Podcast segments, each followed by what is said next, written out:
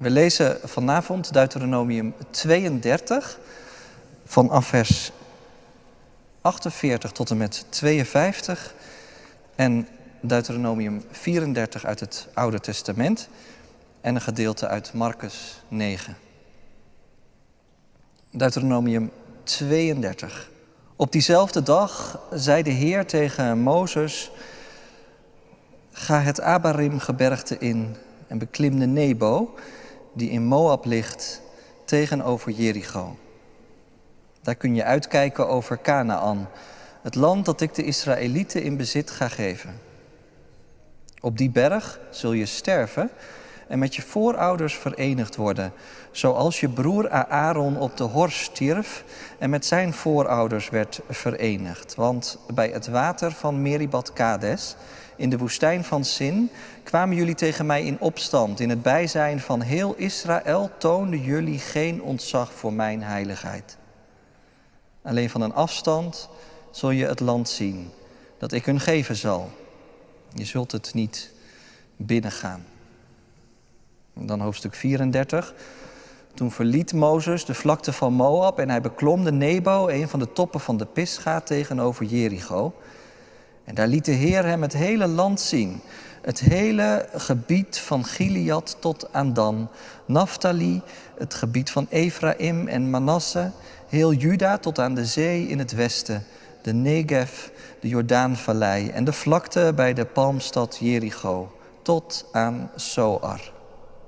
En de Heer zei tegen hem, dit is het land waarvan ik aan Abraham, Isaac en Jacob onder Ede heb beloofd, dat ik het aan hun nakomelingen zou geven. Ik laat het je nu zien, maar erheen oversteken zul je niet. Zo stierf Mozes, de dienaar van de Heer, daar in Moab, zoals de Heer gezegd had. En de Heer begroef hem in een vallei in Moab, tegenover Bet Peor. Tot op de dag van vandaag weet niemand waar zijn graf is. 120 jaar oud was Mozes toen hij stierf. Tot het laatst toe waren zijn krachten niet afgenomen en zijn ogen niet verzwakt. De Israëlieten, die in de vlakte van Moab bijeen waren, treurden om Mozes dood tot de dertig dagen van rouw voorbij waren. Ze luisterden naar Jozua, de zoon van Nun, omdat hij vervuld was met de geest van wijsheid sinds Mozes hem de handen had opgelegd. Daarmee deden de Israëlieten wat de Heer tegen Mozes had gezegd. Nooit meer heeft Israël een profeet gekend als Mozes, met wie de Heer zo vertrouwelijk omging. Door zijn toedoen heeft de Heer in Egypte tekenen en wonderen laten zien aan de farao en zijn onderdanen, aan heel zijn land. Van alles wat Mozes krachtige hand verrichtte en van de daden waarmee hij alom ontzag inboezemde, is heel Israël getuige geweest. En dan gaan we nog even naar het Nieuwe Testament, Marcus 9 lezen we, een gedeelte uit Marcus 9, beginnen bij vers 2. Zes dagen later nam Jezus, Petrus, Jacobus en Johannes met zich mee een hoge berg op waar ze helemaal alleen waren. En voor hun ogen veranderde hij van gedaante. Zijn kleren gingen helder wit glanzen, zo wit als geen enkele wolwasser op aarde voor elkaar zou kunnen krijgen. En toen verscheen Elia aan hem, samen met Mozes, en ze spraken met Jezus. Petrus nam het woord en zei tegen Jezus: Rabbi, het is goed dat wij hier zijn. Laten we drie tenten opslaan: één voor u, één voor Mozes en één voor Elia. Hij wist niet goed wat hij moest zeggen, want ze waren door schrik overweldigd. Toen viel de schaduw van een wolk over hen en uit de wolk klonk een stem. Dit is mijn geliefde zoon, luister naar hem. Ze keken om zich heen en zagen opeens niemand meer, behalve Jezus, die nog bij hen stond. Dit is het woord van God. Gelukkig ben je als je het hoort en ernaar leeft. Amen. Gemeente van onze Heer Jezus Christus. Hier aanwezig in de kerk vanavond, Mensen die thuis met ons verbonden zijn. Ik denk dat je de woorden vast wel kent. Kan bijna niet anders. Ze klonken wel 60 jaar geleden, bijna 60 jaar geleden, augustus 1963. In de hoofdstad van de Verenigde Staten van Amerika. Aan de voet van het Lincoln Memorial. Uitgesproken door een bevlogen zwarte predikant, Dr. Martin Luther King. I have a dream. Zo sprak hij. Ik heb een droom.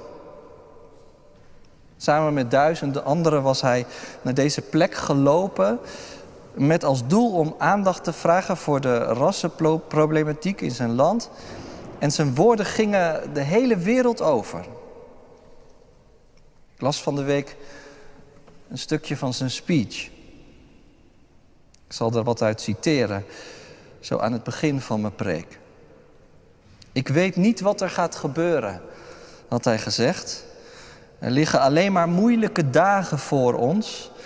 Maar voor mij komt het er niet meer zoveel op aan. Want ik ben namelijk als Mozes op de top van de berg geweest.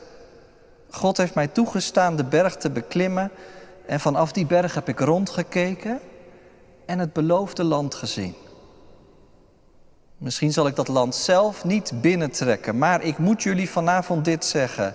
Ik heb een droom. Een droom dat in de bergen van Georgia blank en zwart zullen samenleven als broeders en zusters.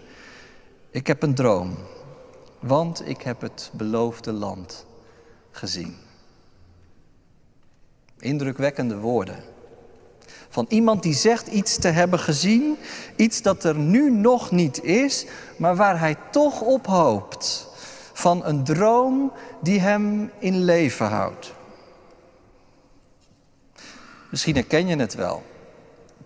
Dat er dromen zijn in je leven. Ik weet het niet natuurlijk, maar juist een dag als vandaag leent zich natuurlijk perfect om die vraag eens aan jezelf te stellen. Waar droom ik eigenlijk van?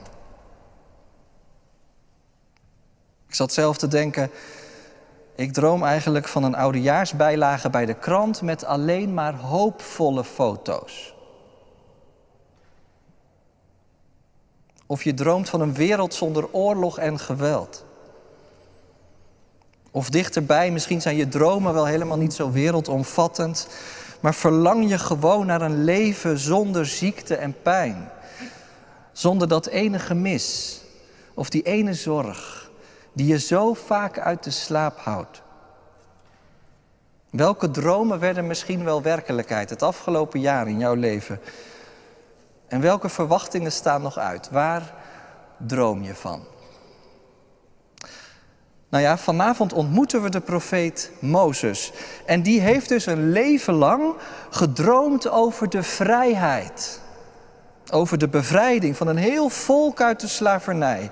Die gedachte hield hem in leven. En die belofte bracht hem steeds weer op weg. De droom van het vrije leven van een volk Israël in het beloofde land. Weg van onder de knoet van de farao's.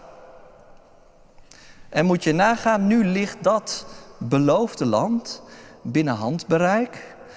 Nog één rivier moeten ze door en dan zijn ze er. En precies op dat moment moet Mozes een pas op de plaats maken. In plaats van door de Jordaan te trekken met het hele volk, moet hij de berg op, alleen. Dat is natuurlijk om allerlei redenen wel opvallend. Is Mozes niet fit genoeg meer? Nou, dat staat er niet. Integendeel, 34 vers 7. Tot het laatst toe waren zijn krachten niet afgenomen en zijn ogen niet verzwakt. En toch mag Mozes het beloofde land niet binnengaan. Zijn droom bijna werkelijkheid. En dan toch een pas op de plaats. Waarom eigenlijk? Nou ja, daar heeft God wel een duidelijke reden voor gegeven. Kun je wat eerder lezen hè, in hoofdstuk 32. Dat komt door je eigen handelen, Mozes. Bij het water in de woestijn van Sin kwamen jullie tegen mij in opstand, je broer Aaron en jijzelf. Toen hebben jullie geen ontzag getoond voor mijn heiligheid. Misschien ken je dat verhaal wel. Van het volk dat tijdens de tocht door de woestijn altijd maar aan het klagen was. Wat hadden ze Mozes en Aaron keer op keer getergd. Het bloed onder hun nagels weggehaald. En die ene keer had Mozes zijn geduld verloren. Had hij met zijn staf op de rots geslagen en er was water gekomen, jazeker, want God laat zijn volk niet van de dorst omkomen. Maar voor Mozes was het vooral een moment geweest waarop duidelijk werd dat hij ook een mens was. En gewone mensen, misschien wil die gebeurtenis vooral wel dat vertellen, gewone zondige mensen kunnen het beloofde land helemaal niet binnengaan. Best wel een spannende gedachte, vind je niet? Dat het zelfs Mozes niet gelukt is om helemaal volgens de regels van God te leven, om helemaal heilig en puur te zijn, om helemaal vol ontzag voor de heilige te leven. En om zo helemaal klaar te zijn voor het beloofde land. En weet je wat ik eigenlijk wel aangrijpend vind? Dat Mozes over deze gang van zaken helemaal niet in discussie gaat met God. Had hij eerder heus wel gedaan. Hij ging heel vertrouwelijk met God om, zo staat het er, hè? In gesprek gaan met God. Smeken of God niet toch op andere gedachten kon komen. Had hij gedaan na de zonde met het gouden kalf bijvoorbeeld. Toen het er even op leek dat de Heere God voor goed afscheid had genomen van zijn volk. Alsjeblieft had Mozes toen gevraagd. Alsjeblieft, trek toch met ons mee. Laat ons niet in de steek. En God was zijn volk genadig geweest. En God had zijn volk niet in de steek gelaten. Maar nu, aan de grens met het beloofde land, nu doet Mozes geen poging om de Heer alsnog over te laten. Alsjeblieft, laat het me toch alsjeblieft binnengaan. Wel mooi vind ik dat. Voor het volk sprong Mozes op de bres. Maar voor zichzelf legt hij zich bij de gang van zaken neer. Op zich natuurlijk een heel bijzonder voorbeeld. Daar kun je best wat van leren. Om de dingen werkelijk over te geven. En je leven te laten leiden. En tegelijkertijd wat hier gebeurt is natuurlijk verre van gemakkelijk. Op allerlei manieren gaat het tegen onze intuïtie in. Is dit nou niet onrechtvaardig? Als je terugkijkt op een jaar als dit, en als je terugkijkt op eigenlijk ieder jaar, dan zijn er zoveel dingen die zo onrechtvaardig zijn. Al die levens die zo anders lopen dan je had gedacht. Waarom toch steeds die begrenzing aan onze idealen? Waarom toch steeds die grens aan ons leven? Waarom toch steeds die grens aan ons geluk? Is het werkelijk een straf? Of heeft God er toch nog iets anders mee voorzien? Ligt er toch nog iets anders in het verschiet? Ergens, ergens daar achter de horizon. Iets dat ik pas kan zien als ik de berg opga. Nou ja, een van die bedoelingen in dit verhaal zal best eens kunnen zijn dat het volk Israël er ook iets van moet leren. Namelijk dit, dat het niet Mozes is die hen zal bevrijden. Mozes is maar een gewoon mens. Daar moet je nooit al je kaarten op zetten. Wie zal jullie bevrijden en het beloofde brengen?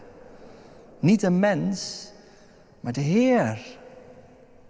Een sterke leider is uiteindelijk niet genoeg. En en wat je hier ziet is dat een werkelijk sterke leider dat zelf ook begrijpt. Die maakt pas op de plaats als de tijd daar is. Een beetje zoals de vandaag overleden paus Benedictus bijna tien jaar geleden ook ruimte maakte voor zijn opvolger. En misschien gaat Mozes daarom de discussie niet aan. Een paar hoofdstukken eerder had hij het al gezegd in zijn afscheidsrede. Ik mag dan bij jullie weggaan tegen het volk. Maar de Heer, de Heer jullie God, die zal zelf voor jullie uitgaan. Nou, dan heb je genoeg. Dat is volgens mij altijd weer het geheim van een gelovig leven. Dat je dat hebt ontdekt. Dat de Heer zelf voor je uitgaat.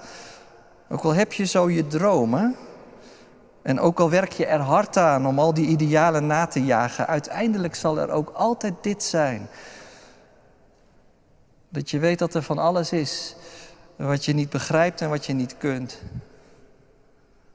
Dat je weet dat jij het beloofde land niet binnentrekt zonder achter God aan te gaan.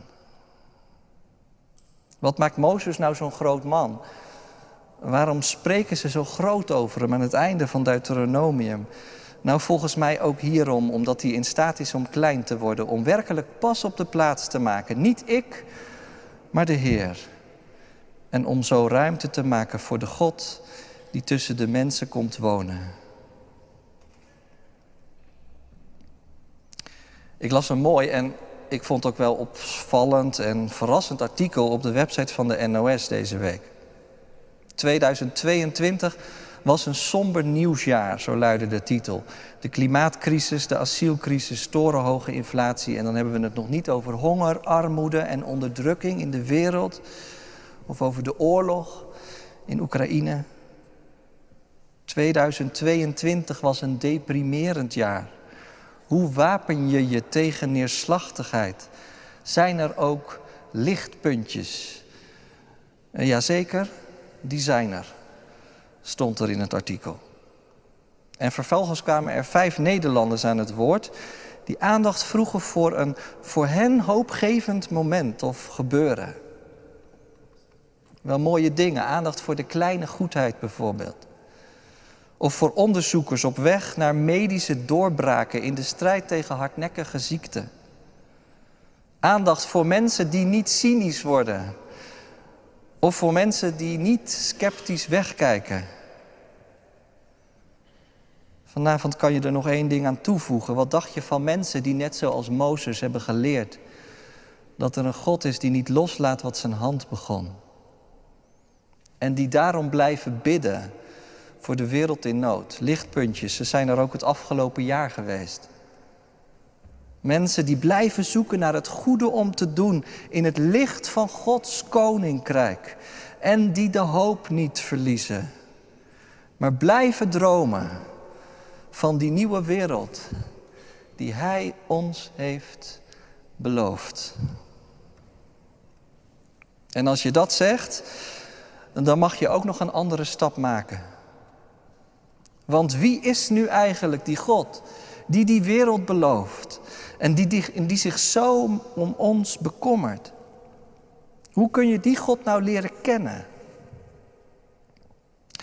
Nou, ik denk in de eerste plaats door achterom te kijken. Ik kan me voorstellen dat het volk Israël dat kon doen. Achterom kijken en je verbazen over al die jaren in de woestijn. Wat was het soms moeilijk, maar wat had God steeds weer voor hen gezorgd? Toch wel. Ondanks het geklaag en het gezeur op zijn tijd. God bleef voor hen zorgen, soms tegen de klippen op en soms volkomen onverdiend. Zou diezelfde God hen in de toekomst dan in de steek laten? Zijn naam is toch Ik ben die ik ben. Hij heeft toch beloofd dat hij trouw zou blijven? Achterom kijken dus. En kijken naar wat God heeft beloofd. En hoe zich dat ontvouwt in je leven. De zegeningen zien. Kan je zomaar de hand van God ontdekken in je leven. En zeg je, ik heb toen zijn stem gehoord. Maar weet je wat ik wel bijzonder vind? Als Mozes de berg opgaat, dan kijkt hij niet per se achterom. Maar dan kijkt hij vooral vooruit. Dus dat is het tweede. Achterom kijken, maar ook vooruit kijken. Dat kan dus ook. Vooruitgrijpen op datgene wat ons is beloofd. En weet je wat Mozes dan te zien krijgt? Dat is heel interessant. Als het ware een voorproefje van hoe het beloofde land er straks uit zal zien. Denk maar even mee. Mozes krijgt al precies te zien waar al die stammen van het volk straks komen te wonen. Gilead hier en dan daar. Ephraim hier en Manasse daar. En Juda nog weer een stukje verderop. Die stammen die waren nog in de woestijn. Maar Mozes ziet er al iets van, hoe het zich ontvouwen zal. Boven op de berg ziet Mozes als het ware een stukje van de toekomst. Alsof hij ook zijn opvolger Jozua, de Heer red betekent die naam, de Jordaan al door ziet trekken. En alsof hij ook koning David al een paleis ziet bouwen op de Sion. En even later ziet hoe daar een tempel verrijst. Wat een geweldige gedachte eigenlijk. Mozes kan het beloofde land dan wel fysiek niet binnengaan, maar hij krijgt wel wat anders. Ogen van het geloof. Het geloof dat hem op een berg plaatst, zodat hij de belofte voor zijn eigen ogen kan zien. Misschien wel in nevelen gehuld, als een soort visioen, maar toch, ik heb een droom. Kan ook vandaag.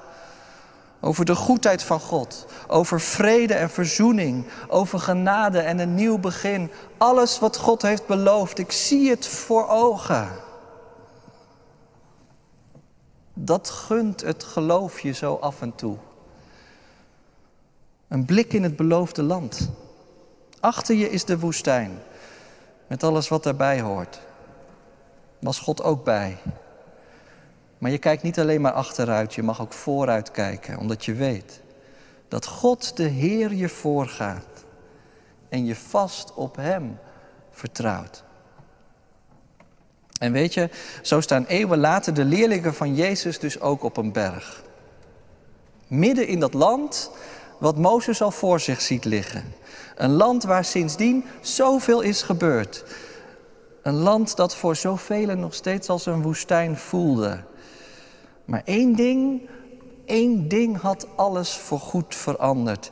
En dat was de komst van Christus, de lang beloofde Messias, de Joshua van het Nieuwe Testament, Jezus, de Heer red.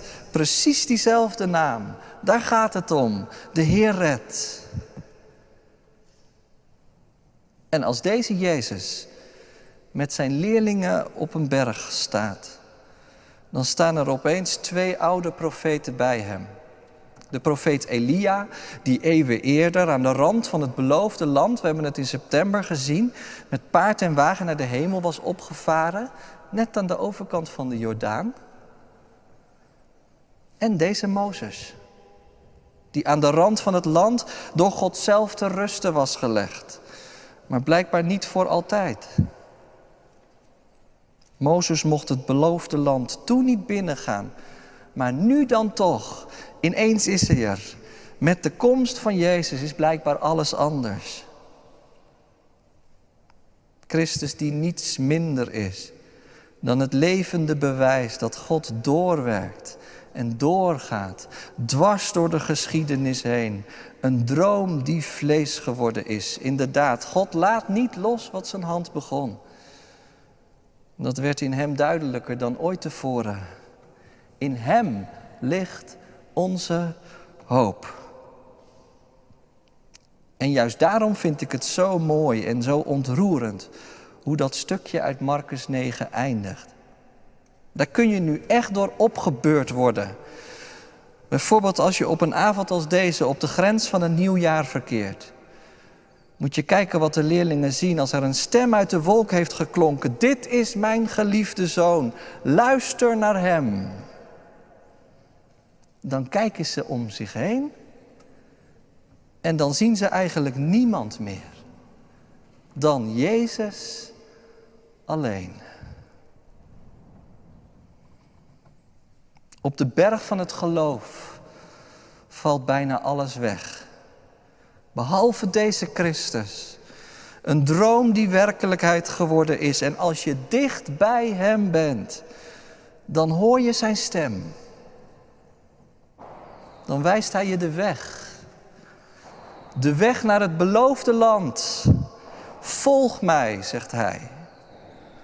Want een ieder die in mij gelooft, zal leven. Amen.